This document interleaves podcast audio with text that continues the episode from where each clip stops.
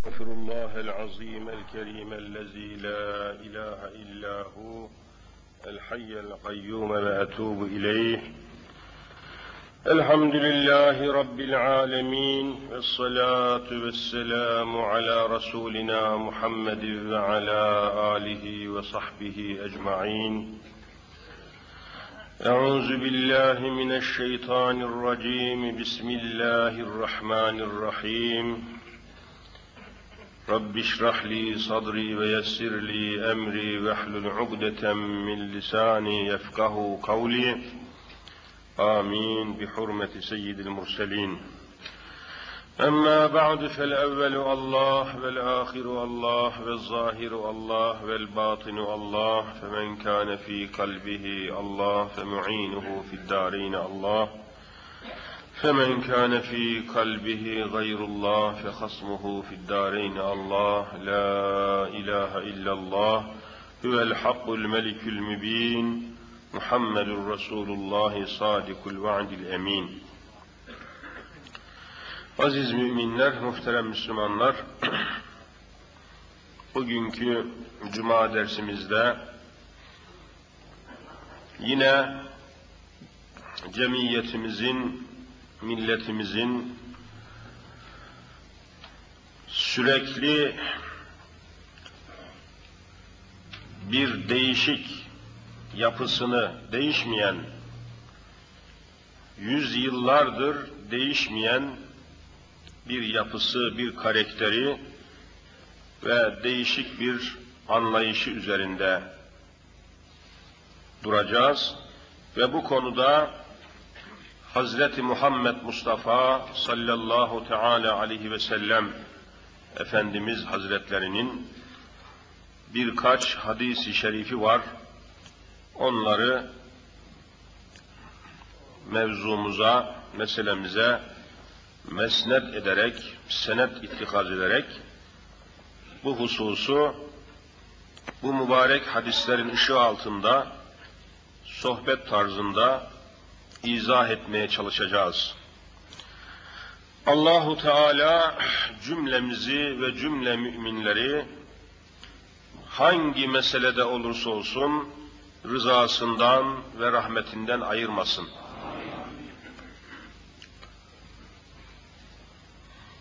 Bilindiği gibi Allahu Teala insanları diğer mahlukattan insanlardan başka yarattığı mahlukattan farklı ve değişik bir yapıda, değişik bir karakterde yaratmış olduğunu ifade ediyor. İnsanların yaratılışı ile insanlardan başka diğer mahlukatın, diğer yaratılmışların arasında çok ehemmiyetli farklar var. Bunları sayıp bitirmek bu saatte mümkün değil. Konumuzla alakalı, meselemizle alakalı hususu buradan ayırt edeceğiz.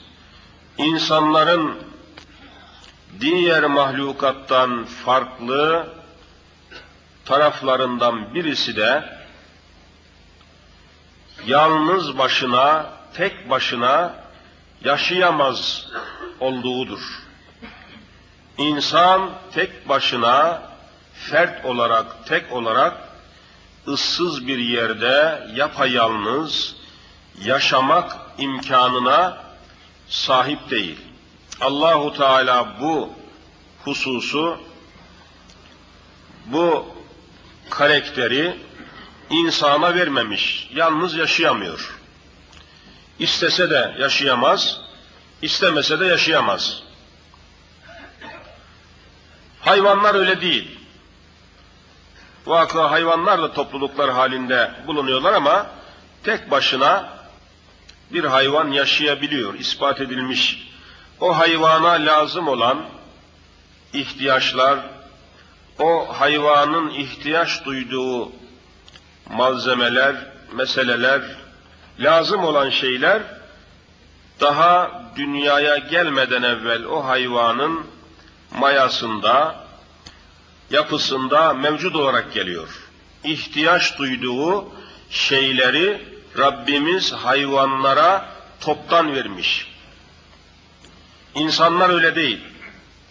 İnsanlar eğitimle, terbiyeyle, tahsil ile, ilim ile, çalışmakla çok şeyi elde etmek zorunda kalıyor. Buna bir misal olsun diye şöyle bir örnek verebiliriz. Hayvanların ihtiyaç duyduğu şeyler, hayvanlara lazım olan şeyler doğuştan verilmiş.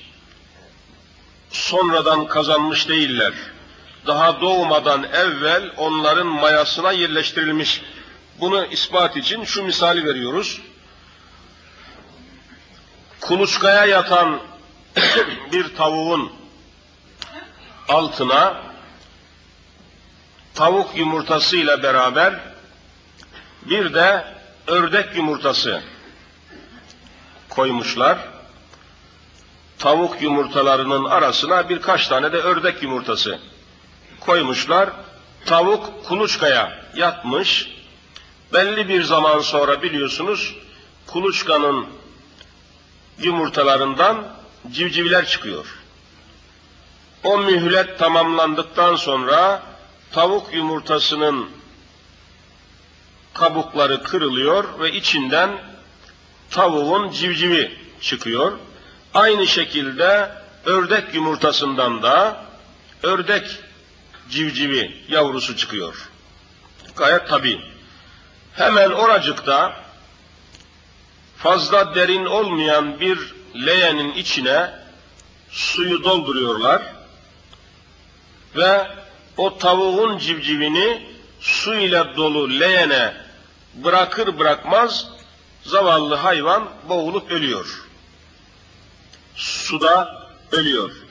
O ördeğin yavrusunu, ördek civcivini, ördek yavrusunu doğar doğmaz leğendeki suyun içine koyuyorlar, otomatik olarak yüzmeye başlıyor. Anında. İlmen sabit. Halbuki yüzmek tabii kolay bir şey değil. Bir insan yüzmeyi birkaç ay eğitim görerek ancak elde edebiliyor. Talim ile, eğitimle elde edebiliyor. Mutlaka bir hocaya, bir çalışmaya, bir gayrete ihtiyacı var. Fakat ördek yavrusu doğar doğmaz yüzmeye başlıyor. Çünkü doğuştan kendisine verilmiş, o ihtiyacı giderilmiş, o malzeme verilmiş, o alet verilmiş, o ilim verilmiş, o teknik verilmiş. Bunu hemen tatbik etmeye başlıyor.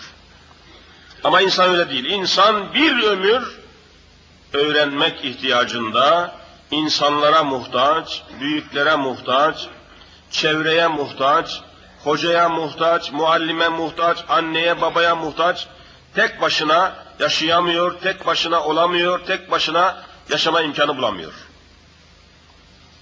Bunu böylece Rabbimiz böyle yaratmıştır. Sonra insanlar bir araya gelmek suretiyle toplulukları meydana getiriyor. Topluluklar. Bu topluluklara ne diyoruz? Cemiyet diyoruz. Cemiyet. Cemiyet demek cem olmuş. Yani toplanmış, bir araya gelmiş insanlar demek. Cemiyet. Cemaat kelimesi de oradan. Cemaat demek yine cem olan, bir araya gelen, toplanan insanlar. Cemaat. Cemiyet. Sonra bu cemiyetler daha da büyüyerek milletleri meydana getirmişler. Millet haline gelmişler. Milletler de teşkilatlanmışlar, örgütlenmişler, devletleri meydana getirmişler. Devletler. Böyle sırayla gidiyor. Bütün bunların esası, hakikati nedir? Bu toplumların, cemiyetlerin, milletlerin selameti, saadeti nerededir? Yahut felaketi, musibeti nerededir? Bugünkü dersimizde bu hususları hadisi şeriflerin ışığı altında incelemeye devam edeceğiz. Efendimiz aleyhissalatu vesselam geçmiş ümmetlerden zaman zaman misal veriyor. Geçmiş kavimlerden, geçmiş topluluklardan, geçmiş cemiyetlerden misal vermek suretiyle ümmeti Muhammed'i aydınlatıyor. Yeryüzüne gelmiş olan ümmetlerin biliyorsunuz sonuncusu ümmeti Muhammed'dir. Çünkü kainatın efendisi Hazreti Muhammed Mustafa sallallahu aleyhi ve sellem biliyorsunuz son peygamberdir. Son peygambere iman edenler de tabii ki son ümmet, ümmetin sonuncusu olmak durumundadır. Bizler de Allah'a sonsuz hamdü sena olsun, son peygamberin son ümmetiyiz. Ondan sonra daha başka peygamber gelmeyeceğine göre başka da ümmet yok. Bütün beşeriyet Hazreti Habibullah'ın ümmeti durumundadır. Ümmeti de ikiye ayırıyorlar biliyorsunuz. İkiye ayırıyorlar. Peygamberin davetine icabet eden ümmet var, icabet etmeyen ümmet var. Peygamberin davetine icabet etmemiş, henüz son peygamberi peygamber olarak tasdik etmemiş olan insanlara ümmeti davet diyor kitaplar. Alimlerimiz bu ismi kullanıyor. Ümmeti davet. Yani davet edilen ümmet. Daveti kabul edilip de edip de son peygamberi tasdik eden kimselere de topluluklara da ümmeti icabet yani davete katılmış, peygamberi tasdik etmiş, ümmeti icabet sıfatına ulaşmış. Bu durumda yeryüzündeki La ilahe illallah Muhammedur Resulullah diyen kimseler ümmeti icabet yani son peygamberin davetine icabet etmiş, onu tasdik etmiş ve ona ümmet olmuş durumdadırlar. Henüz bu kelime-i tevhidi söylemeyenler, söylememiş olanlar da davet halindeki ümmet, davet safhasında, davet esnasında olan ümmettir ki onların da hidayete ulaşması için daveti, ümmeti icabetin çalışması, onları da icabete, onları da tasdik etmeye teşvik etmesi vazifeleridir. Dolayısıyla ümmeti Muhammed'den bir evvelki ümmet Hazreti İsa aleyhisselamın ümmeti ki o da oldukça sınırlı, sayıları belli, sınırı belli bir ümmet yapı, yapısına sahip. Hazreti İsa'dan bir evvelki ümmet de Hazreti Musa'nın Hazreti Musa aleyhisselamın ümmeti oluyor. O da İsrailoğulları. Kur'an-ı Kerim'de sık sık geçer. Beni İsrail, Beni İsrail. Beni demek oğulları demek. İsrail de malum olduğu üzere Beni İsrail, İsrail oğulları Hazreti Musa'nın ümmeti olarak tarihte, kitaplarda, kaynaklarda yerini almış oluyor. Peygamberimiz Efendimiz daha ziyade İsrail oğullarından Hazreti Musa'ya ümmet durumunda olan bu kimselerden misal veriyor. Şimdi arz edeceğim hadis-i şerif işte böyle İsrail oğullarından verilen bir misali ifade ediyor. Kısaca arz edeyim ve meseleyi daha geniş izah etmeye devam edelim. Peygamberimiz Efendimiz Hazreti Habibullah buyuruyor ki Kale Resulullah sallallahu aleyhi ve sellem Efendimiz şöyle buyurdular. Lemma vakaat benu İsrail'e fi maasi fil maasi. Bakınız. Beni İsrail yani İsrail oğulları maasi demek masiyet masiyet de isyan kelimesinden geliyor isyan. Allah'a karşı Allah'a karşı gelmek Allah'a isyan etmek haram işlemek günah işlemek anlamına geliyor masiyet. İsrailoğulları masiyete yani günah işlemeye daldıkları zaman vakaat kelimesini ulemamız böyle tercüme etmiş. Günaha dalmak, günah işlemek kelimesinden günaha dalmak daha şiddet ifade ediyor. Birisi günah işliyor, birisi günaha dalıyor. Günaha dalanlar günah işleyenlerden daha şiddet ifade, daha koyu, daha şiddetli bir mana ifade ediyor. İsrailoğulları da isyana, masiyete, günah işlemeye daldıkları zaman diyor Peygamberimiz. Misal veriyor. Lemma vakaat ne zaman ki vaki oldu, düştüler, daldılar, Benu İsrail, İsrail oğulları fil maasi günahlara daldılar. Haramlara daldılar. isyanlara daldılar, girdiler. Nehethüm ulemâuhum. Onların alimleri onları nehyetmeye çalıştı. Neha yenha nehyetmek yani sakındırmak. Nehethüm onları nehyettiler. Ulemâuhum onların alimleri. İsrailoğullarının alimleri günahlara dalan, isyanlara dalan bu kişileri, bu toplulukları nehyetmeye, caydırmaya, vazgeçirmeye çalıştılar. Demek ki ulema söyleyecek. Demek ki günahların, isyanların, haramların çoğaldığı zamanlarda ulemanın vazifesi işlenen bu günahların felaketini, günahların dehşetini anlatmakla vazifelidir.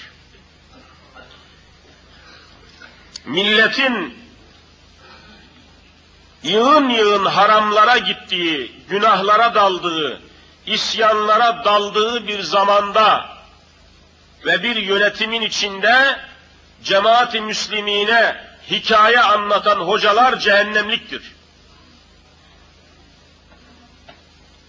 Buradan bu mana çıkıyor. Nehethum ulemâhum. Ulema derhal işin üzerine yürüyecek. Ulema bu haramları ve günahları kürsülerde cemaate vazgeçirmek için, onları caydırmak için, onları korumak için, kurtarmak için ulema vazifesini yapacak. Yığın yığın insanların Müslüman olduğunu söyleyen veya öyle zanneden insanların adeta haramlarla, günahlarla, masiyetlerle, isyanlarla kucak kucağa yaşadığı bir cemiyette o cemiyetin alimleri, hocaları hikaye anlatıyorlarsa, gelişi güzel şeyler anlatıyorlarsa, tarih anlatıyorlarsa o ulema mesuldür, Allah tarafından cezalanacaktır. Hadis onu gösteriyor.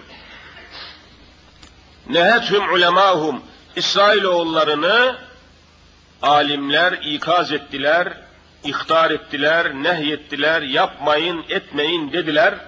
Lakin felem yentehu onlar vazgeçmediler.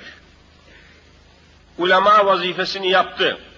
Gerekeni söyledi, nehyetti, anlattı, söyledi ama felem yentehu onlar nihayet vermediler, onlar vazgeçmediler. Bakın şimdi. Bu da yetmiyormuş gibi fecalesuhum fi mecalisihim onlarla beraber oturup kalktılar.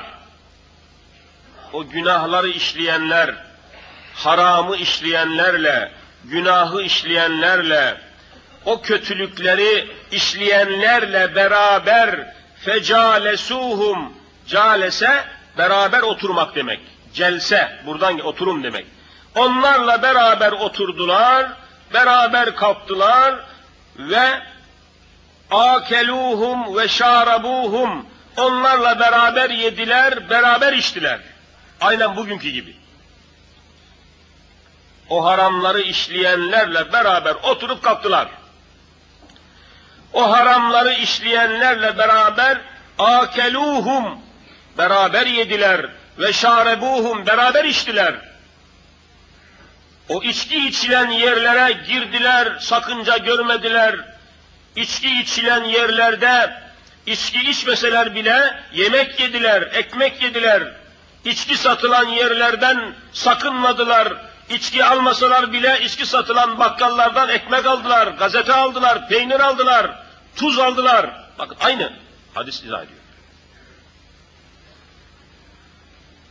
Yani kaynaştılar, bütünleştiler, fark görmediler, sakınca görmediler, zarar görmediler, ne var bunda dediler. İsrailoğullarının nasıl bozulduğunu Hazreti Muhammed Mustafa anlatıyor. Aynen bizim toplumumuz da şimdi buraya gelecek. Alimler anlatmıştır, işin felaketini, vebalini, belasını anlatmıştır. Fakat felem yentehu onlar son vermemişler, vazgeçmemişler. Aksine peygamberin, ulemanın anlattığının aksine fecalesuhum beraber oturup kalkmışlar fi mecalisi meclislerinde. Onlar neredeyse bunlar da orada. Ve akeluhum beraber yiyip içmişler, beraber oturup konuşmuşlar, beraber gezmiş tozmuşlar ve ilgilerini, alakalarını kesmemişler. Sonra fay takibiye ile geliyor. فَضَرَبَ اللّٰهُ قُلُوبَ بَعْضِهِمْ بِبَعْضٍ İşte bela geldi burada. Efendimiz işte işin aslını haber veriyor. Buyuruyor ki, bundan dolayı Allahu Teala onların kalplerini, o İsrailoğullarının günah işleyenlerinin kalpleriyle o günah işleyenlerle beraber oturup kalkan, yiyip içen insanların kalplerini birbirine benzetti. Aynı yaptı. Onlar da alıştılar. Onlar da ısındılar. Onlar da kaynaştılar. Birbiriyle hısım oldular. Birbiriyle akraba oldular. Namaz kılanla kılmayanı ayırmadılar. İçki içenle içmeyeni ayırmadılar. Namaz içki satanla satmayanı ayırmadılar. Birleştiler, bütünleştiler. Hepsinin kalbi de aynı oldu. Allah'ı unutan kalpler haline geldiler. Hadis-i şerif ne kadar müthiş bir haber veriyor. فَضَرَبَ اللّٰهُ كُلُوبَ بَعْضِهِمْ بِبَعْضٍ Kalplerini birbirinin birbirine benzetti. Hepsi aynı oldu. Duygusuz oldular, tepkisiz oldular. Haramlara karşı içlerinde bir ürperti duymamaya başladılar. Düşünün mesela dün akşam İstanbul defterdarı, defterdar, hani vergileri toplayan en yüksek makam, vergileri toplayan, devlete verilen vergileri toplayan en yüksek makam biliyorsunuz şehirlerde defterdar. Maliye vergileri topluyor. Akşam İstanbul'da dolayısıyla Türkiye'de devlete en çok vergi verenlerin isimlerini okudu. Dinleyenlerin olmuştur haberleri, dinleyen takip eden olmuştur. Yine birinci sırada İstanbul Karaköy'de kerhane işleten Ermeni karısı birinci geldi yine. Bunu defterdar öyle izzetle, öyle lezzetle anlatıyor ki, devlete diyor 4.6 milyar, yani 4.5 milyardan fazla vergi vermek suretiyle rekor kırmıştır, kendisine teşekkür ederiz diyor. Ve bu o kadar normal kabul edilmiş ki, e düşünün yani dört kitaba göre, Hristiyanlara göre, İsrailoğullarına göre, yani Tevrat'a, İncil'e, Zebur'a, Kur'an-ı Kerim'e göre de nikah olmadan parayla, pulla ne olursa olsun nikah olmadan yapılan cinsi temasa zina diyor. Bunun devlet işletmecisi olmaz, bunun parayla caiz olması mümkün değil, devlet yaparsa mümkün değil, hükümet yaparsa mümkün değil, haram haramdır. Zina zinadır, fuhuş fuhuştur. Ve dört buçuk milyar lira vergi vermek suretiyle vergi vermek suretiyle rekor kıran bu fuhuş işletmecisi Ermeni kadın Allah düşmanı kadın, ırz düşmanı kadın devlet tarafından takdir ediliyor, tebrik ediliyor, rekor kırdı diye mükafatlandırılıyor ve daima el üstünde tutuluyor. Ve 60 milyon nüfusa sahip olan Türkiye, yüzde 99'u Müslüman olduğu söylenen Türkiye'de en ufak tepki görmüyor, en ufak bir hareket duymuyorsunuz. Bakın nasıl intibak etmişiz. Nasıl alışmışız, bulaşmışız, ısınmışız, adeta uyum sağlamış toplum. Hiç tepki yok. Aynen o umumhaneye devam edenlerin kalpleriyle devam etmediği halde bu işe ses çıkartmayan insanların kalpleri aynı olmuş. Tepkisiz, duygusuz insanlar. Oraya girenin kalbiyle girmeyenin kalbi aynı Türkiye'de. Heyecan duymuyor. O haramın karşısında ürpermiyor, dehşete kapılmıyor, tüyleri diken diken olmuyor. Bakın aynı. Hadis bak. Federaballahu kulubu ba'd. Aynen oraya devam edenler etmeyenler kalpleri aynı oldu. Tepki yok. Hiç tepki gösterilmiyor. Bir kişi tepki gösterdi. Bakınız bu Manukyan adındaki Ermeni karıya, bu kerhane işletmecisine bir kişi tepki gösterdi. O da biliyorsunuz İstanbul Asayiş Şube Müdür Muavini İbrahim Şahin. Müdür muavini, namuslu adam.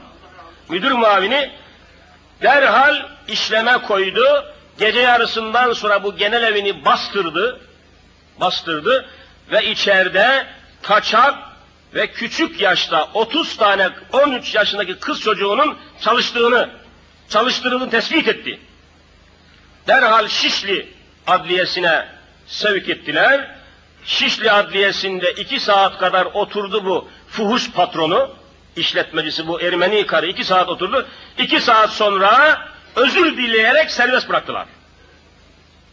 Kusura bakmayın dediler Manukyan, bir yanlışlık olmuş dediler. Ve iki saat sonra da Asayiş Şube Müdür Muhan İbrahim Şahin derhal görevini aldı, İstanbul'a sürgün edildi. Vallahi böyledir yani. Türkiye Müslümanmış, İstanbul Müslümanmış, Cemaati Müslimin varmış, dergahlar varmış, tarikatlar varmış, hocalar varmış. Kaç para eder? Asayiş Şube Müdür Muavini İbrahim Şahin derhal görevinden alınıyor. Derhal kaldı atılıyor. Sen misin bu fahişeye takılan? Karşı e, millette ses yok, millette nefes yok. Milletin o umumhaneye müşteri olan insanlarla olmayanların kalpleri aynı hissiz, hissizlik aynı olmuş. Nasıl alışmışız görüyor musunuz Müslümanlar? Tepki görmüyorsunuz. İçkiye karşı tepki yok toplumda.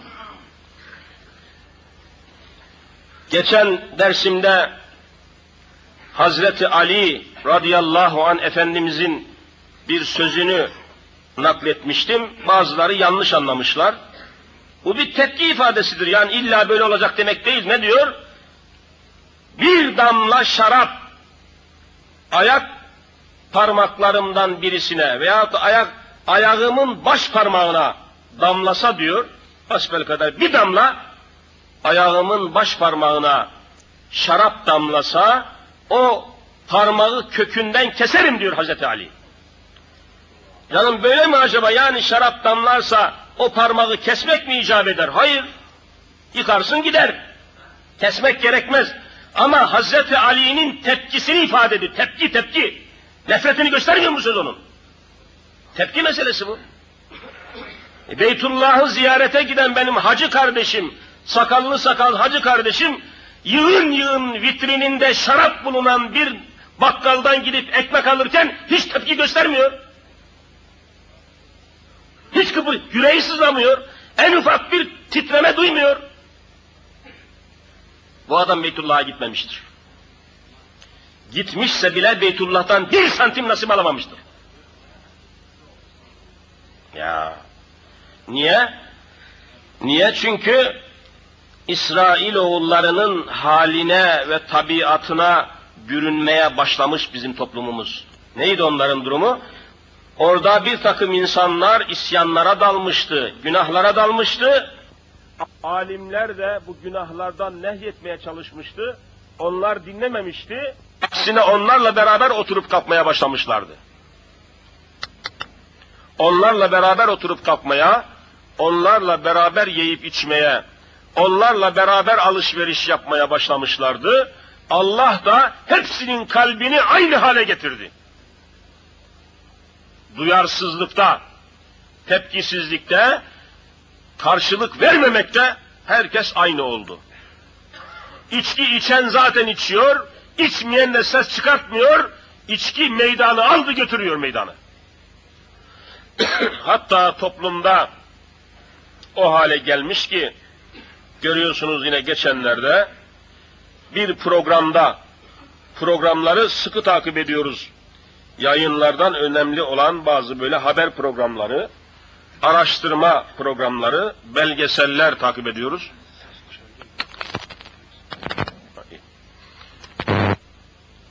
O programlardan bir tanesinde İçişleri Bakanı'nı konuşturuyorlar. İçişleri Bakanı'nı konuşturuyorlar. Terörle alakalı. Bir de bir başka şahsı, doğulu milletvekillerinden birisini konuşturuyorlar. Programın sonuna doğru başbakanın özel hayatından bazı şeyler gösteriyorlar. Özel hayatından, evinden, büfesinden, işte gardırobundan bazı özel sahneler veya kesitler gösteriyorlar. Takip edene görmüştür. Bir büfenin büfeyi gösteriyor.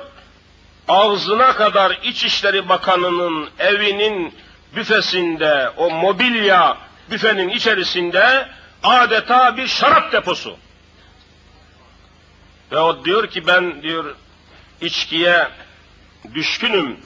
Hangi dış yabancı ülkeye gittiysem oradan çok kıymetli, çok pahalı içkiler getirmiş bulunuyorum. Benim koleksiyonumdur, özel zevkimdir diyor içki toplamak diyor. İçişleri Bakanı bu. Çok kıymetli diyor yani hatırı sayılır bir içki koleksiyonum var benim diyor. Allah'ın necis dediği, Allah'ın pislik dediği şeyi bir İçişleri Bakanı evine doldurur, bununla iftihar ederse, TRT de bunu bütün Türk milletine örnek diye gösterirse, o toplum iflah olur mu olmaz mı siz söyleyin. Hadise budur. İçki deposu. Müskirat. Kur'an-ı Kerim'de, sünnet-i Muhammediye'de bütün bundan adı müskirat diye. Müskirat demek sarhoşluk verici her şey necistir. Pisliktir. Ama millet o kadar duyarsız ki, o kadar tepkisiz bir millet, ilgisiz bir millet, bilgisiz bir millet haline gelmiş bulunuyoruz ki, sanki gayet normalmiş, gayet tabiiymiş, sanki bunda bir günah vebal yokmuş gibi bütün toplum haramlara ısındı ve alıştı. Düşünün mesela güzellik kraliçesi seçil, seçimi için neler yapıyorlar? Anadan doğma kızları çırılçıplak soyup sahnelere çıkartıyorlar. Bunun neresi normal ya? Ama topluma sorun gayet tabiidir, normaldir diyor. Ne var bunda diyor. Çırılçıplak, en mahrem yerlerine kadar bir takım yarışmaya katılan zavallı bu kızları çırılçıplak soyanlar kim? Sahneye çıkaranlar kim? Bunlara puan verenler kim? Jüri heyeti tertiplenenler kim? Bunları tertipleyenler kim? 60 milyon Müslüman seyrediyor. Tepki gösteren yok. Karşı koyan yok. O sahnede anadan doğma soyunan kız ile onları seyreden vatandaşın kalpleri aynı olmuş. İkisinden Allah yok ikisinde de. Aynı kalp. Ayet-i kerimede bu mana ifade. Hadiste fedaraballahu kulube bi ba'dihim bi ba. Aynen hepsinin kalbini aynı çizgiye getirmiş Cenab-ı Hak. Nefret yok, Lanet yok, karşı koyma yok. Herkes kabullenmiş. Eskiden bu güzellik kraliçesi yarışmalarını düzenleyen bir gazete sahibi Yahudi olan bir gazeteciye bundan bir hafta evvel soruyorlar. Diyorlar ki ey falanca neyse ismini burada söylemek mümkün değil. Eskiden bu güzellik kraliçesi seçimlerini, yarışmalarını siz yapardınız. Sizin gazeteniz bunları tertipler, düzenlerdi. Şimdi siz yapmıyorsunuz, vazgeçmişsiniz. Sizin gazeteniz böyle bir yarışma düzenlemiyor. Niçin yapmıyorsunuz diye soruluyor. Diyor ki bizim kanaatimize göre artık toplum diyor alıştı, sahnede soyunan kızlar sokaklara kadar diyor yayın kazandı, normalleşti, bir daha bunu yapmaya gerek yok diyor. Toplum alıştı diyor. Vallahi böyle.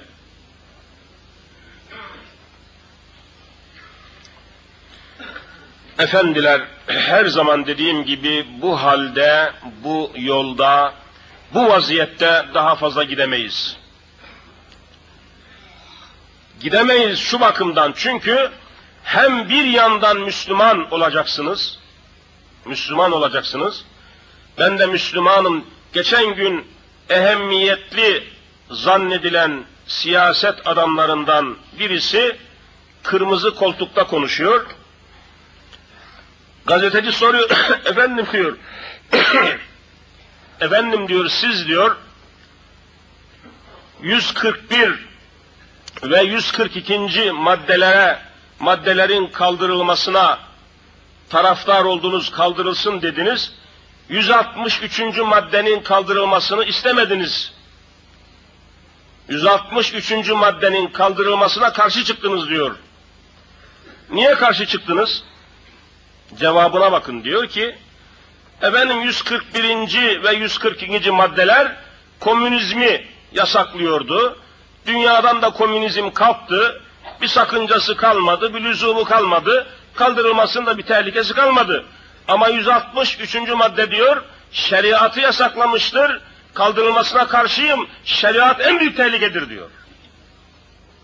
Ve hemen arkasından bakın. Hemen arkasından şunu söylüyor. Vallahi dinlemişsinizdir. Ama diyor bakın ben de Müslümanım diyor. Yeryüzüne diyor bir kere daha gelsem, öldükten sonra hani dirilsem, dünyaya tekrar yeniden gelsem, yine İslam dinini seçerim ama şeriata karşıyım bu çok tehlikelidir diyor. Bu ne korkunç bir anlayış, bu ne biçim mantık, bu ne biçim kafa, bu ne, bu ne biçim mana, bu ne biçim Türkçe, bu ne biçim adam, bu ne biçim insan, bu ne biçim Müslüman. Vallahi tüylerimiz ürperiyor. Siz diyor, dedi gazeteci soruyor, başörtüsüne de karşı geldiniz diyor. Üniversiteye devam eden kızlarımızın başörtüsü kullanmasına da karşısınız. Neden buna karşısınız diye soruyor ve adam cevap veriyor. Efendim diyor, başörtüsü diyor, benim annemin de, kız kardeşimin de başörtüsü var. Ben onlara bir şey demiyorum diyor. Fakat bu üniversiteye devam eden, okuyan kızların başörtüsü, başörtüsü değildir diyor. Siyasi bir üniformadır, tehlikedir, kabul edemem diyor. Annesinin başörtüsüne, kız kardeşinin başörtüsüne evet diyor, aynı cinsin üniversiteye devam eden bir kızın başındaki örtüye karşı olduğunu söylüyor. Bu ne biçim anlayış, bu ne biçim kavrayış, bu ne biçim adam?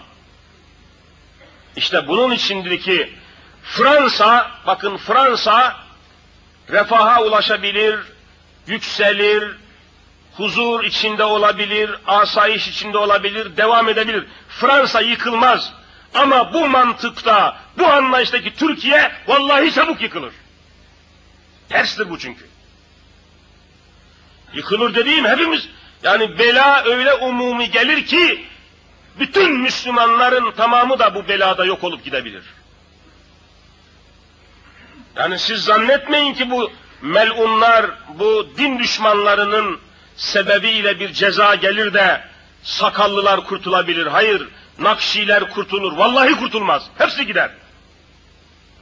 Bela umumi gelir. Bela umumi gelir. Bu belaların bir kısmı tabii afetlerdir. İşte çığ felaketi gibi, zelzele felaketi gibi tabii yani tabiatta meydana gelen belalar olabilir. Bir de sosyal afetler, sosyal afet. Bakın şimdi Bosna Hersek sosyal bir afetin içinde. Bundan dört gün evvel bir gecede Sırp kafirleri, Sırp, Sırbistan dediğimiz eski Hristiyan olan Sırplar bir gecede Bosna Hersek'te bin kişilik Müslümanı bir gecede katlettiler. Bir gecede. Tek bir gecede bin tane Müslüman. Çoluk çocuk demeden kesti, hepsini kestiler. Hatta genç delikanlıların pantollarını çıkartıyorlar şu anda Bosna Hersek'te. Genç delikanlılarının pantollarını çıkartıyorlar. Eğer o çocuklar, o gençler sünnetsizse anında kesiyorlar. Hadiseyi takip ediyorsunuz siz de görüyorsunuz zaten. Hemen kesiyorlar, katlediyorlar. Ve Almanya'nın sesi çıkmıyor, Fransa'nın sesi çıkmıyor, Amerika'nın sesi çıkmıyor. Hiç kimsenin sesi çıkmıyor. Niye? Niye mi? Sebebini biliyorsun. Orada öldürülenler Müslüman, öl, öl, öldürülenler Müslüman, öldürenler Hristiyan. Ölenler Müslüman olduğu için tamam, kimse ses çıkartmıyor. Ama aksi olsaydı, Bosna Hersek'te öldürenler Müslüman olsaydı da, öldürülenler Hristiyan olsaydı, bütün dünyaya kalkardı. Zavallı Müslümanlar, her tarafta eziliyorlar.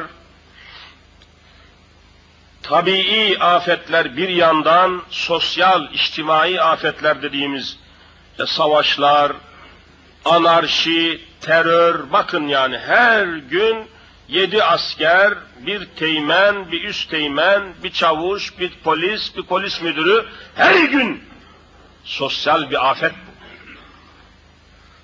Ve daha fazla gitmesi mümkün değil bu ülkenin. Askeri ihtilaller de çare değil.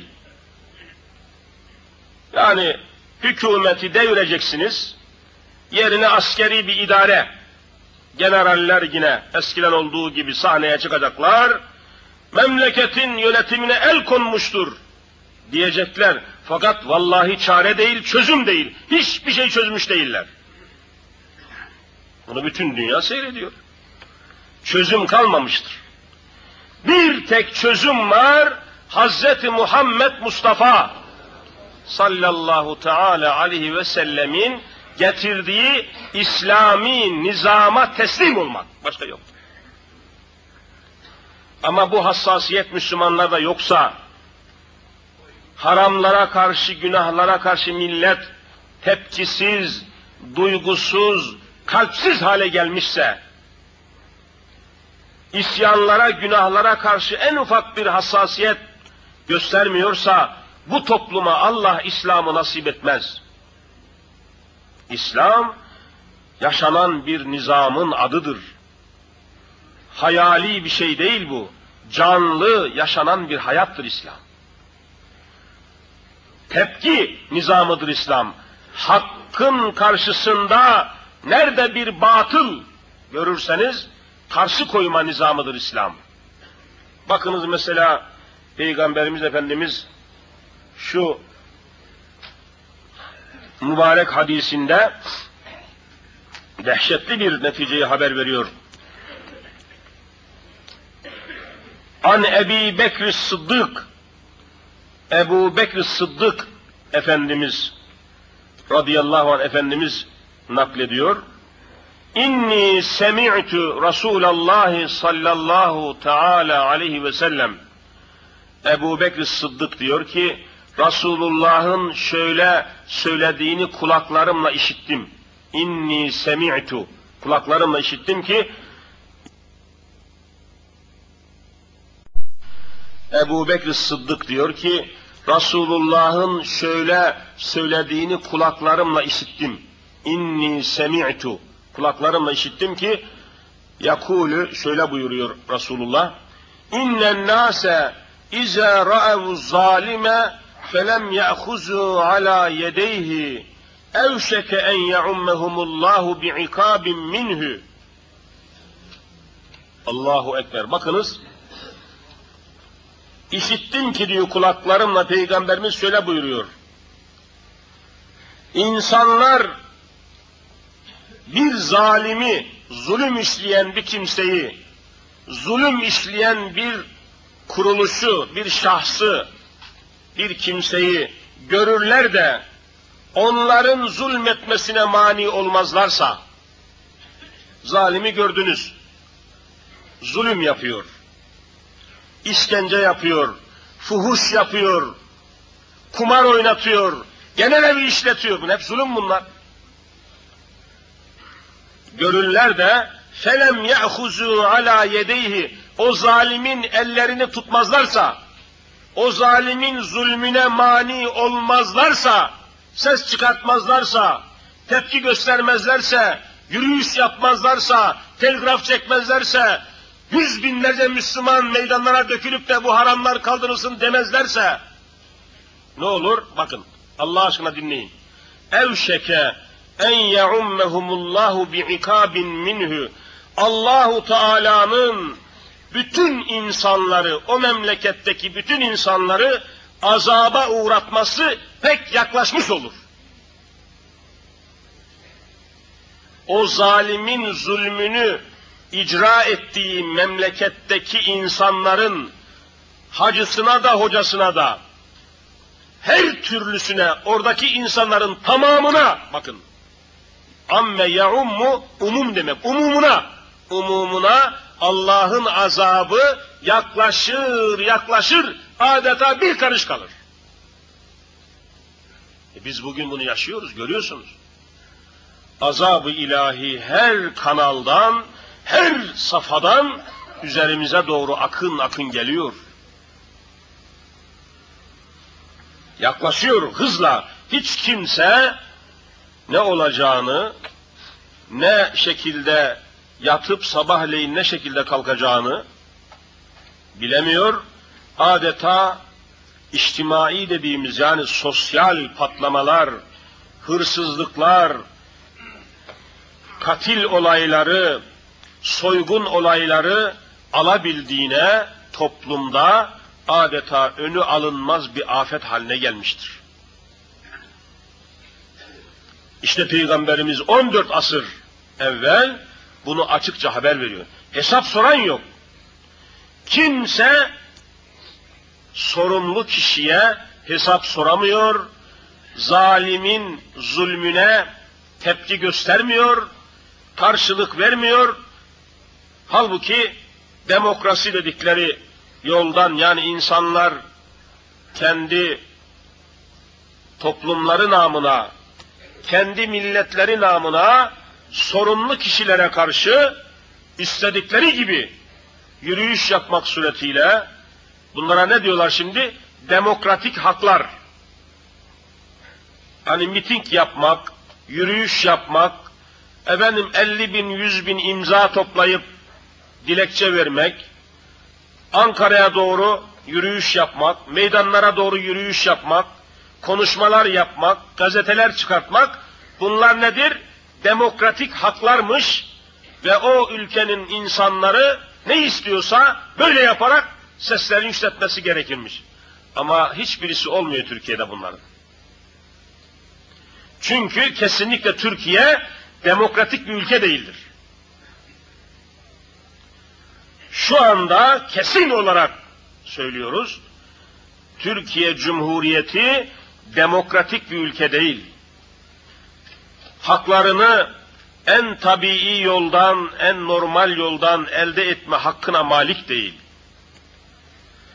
Mevcut anayasa şu anda hükümetin itaat etmek zorunda kaldığı anayasa hepinizin bildiği gibi beş tane generalin emriyle dört tane tahareti dahi olmayan profesöre yazdırılan bir anayasa. Beş tane generalin dört tane taharetsiz profesöre Yazdırdıkları bir anayasa. Bunu kim saygıyla karşılar?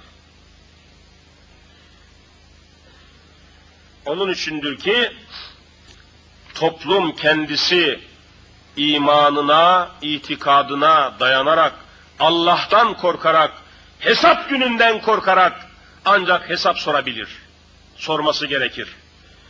Ve zaten eğer millet temelde tepkiyi gösterebilse, bütünleşebilse, bir anda yüz bin, iki yüz bin kişi meydanlara toplanabilse, zaten hiçbir zalim açığa çıkamaz.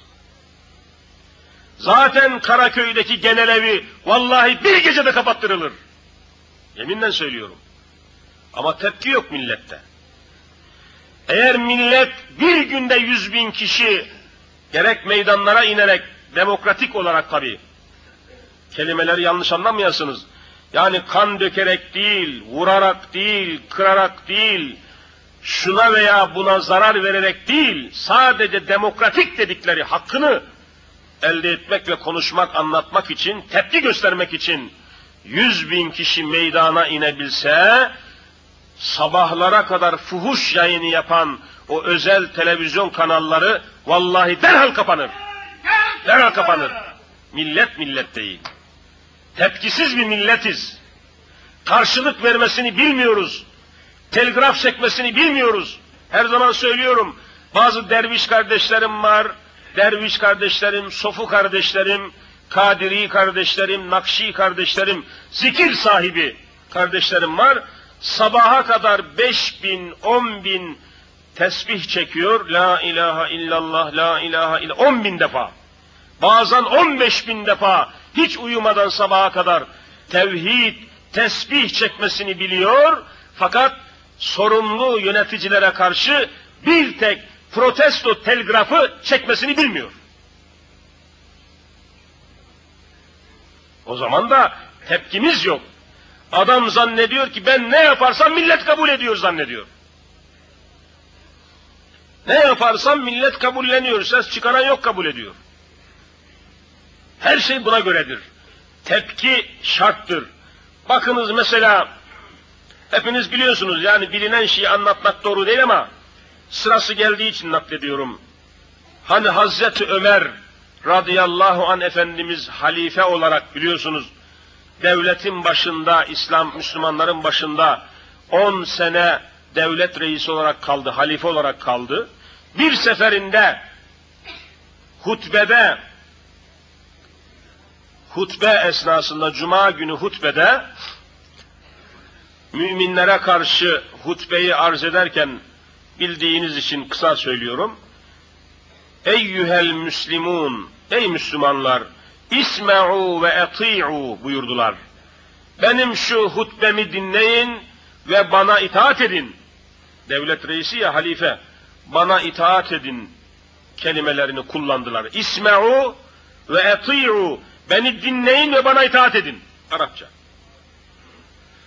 Cemaatin içinden uzun boylu, heybetli bir Müslüman kalktı. Hepiniz bunu biliyorsunuz.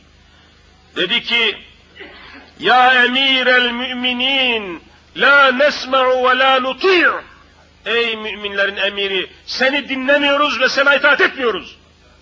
Caminin içinde oluyor bu hadis. Hazreti Ömer'de en ufak bir telaş yok. En ufak bir tep, en karşı koyma yok. Buyuruyorlar ki, niçin? Limaza la tesma ve la tuti' Niye dinlemiyorsun sen ey falanca? Niye itaat etmem diyorsun? Sebebini soruyor Hazreti Ömer. Ve ayakta duran zat sebebini açıklıyor. Diyor ki Mute Savaşı'nda ganimet kumaşlar toplandı. Ganimet kumaş yani düşmandan kalan kumaşlar toplandı. Ve gazilere dağıtıldı, mücahitlere dağıtıldı. Dağıtılan gazilere, mücahitlere dağıtılan kumaştan hiç kimseye bir elbise çıkmadı, bir cübbe çıkmadı. Hiçbirimiz onu dikip de cübbe yapamadık. Senin sırtında görüyorum ki tam bir o kumaştan cübbe var, sen fazla almışsın ya emir müminin diyor. Bunu hepiniz biliyorsunuz bu adam. Tarihi bir hadisedir. Hazreti Ömer'de yine bir telaş yok. Ve cemaate hitaben buyuruyor ki, Ey nebni Abdullah, Oğlum Abdullah nerede? Eyne Arapça. Nerede benim oğlum Abdullah? O da cemaatin içinde Abdullah İbni Ömer. Hazreti Ömer'in oğlu Abdullah ayağa kalkıyor. Diyor ki oğlum meseleyi anlatır mısın şu zata? Abdullah diyor ki evet ey falan ayakta duran kişiye dönüyor. Ey falanca haklısın sen diyor. Gazilere dağıtılan diyor kumaştan kimseye elbise çıkmadı tamam. Bana da o kumaştan isabet etmişti, bana da çıkmamıştı. Babama da isabet etmişti, çıkmamıştı. Ama ben kendi payımı babama bağışladım. İkisi bir araya geldi de o zaman bu elbise çıktı diyor.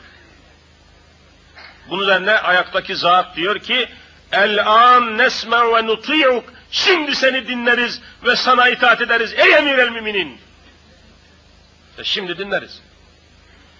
Cemaat böyle olması lazım. Milletin böyle olması lazım. Halkın böyle olması lazım. Demokratik dedikleri haklarını kullanması lazım. İlla da sokaklara dökülüp camı çerçeveyi kırmaya gerek yok. Bir anda toplansın millet, bir milyon insan meydana bakalım bu umumhaneler, bu kumarhaneler, bu fuhuş yuvaları çalışır mı çalışmaz mı? Hazreti Ömer de ne diyor biliyorsunuz? Hemen ellerini açıyor hutbedeyken Ya Rabbi benim icraatımı, benim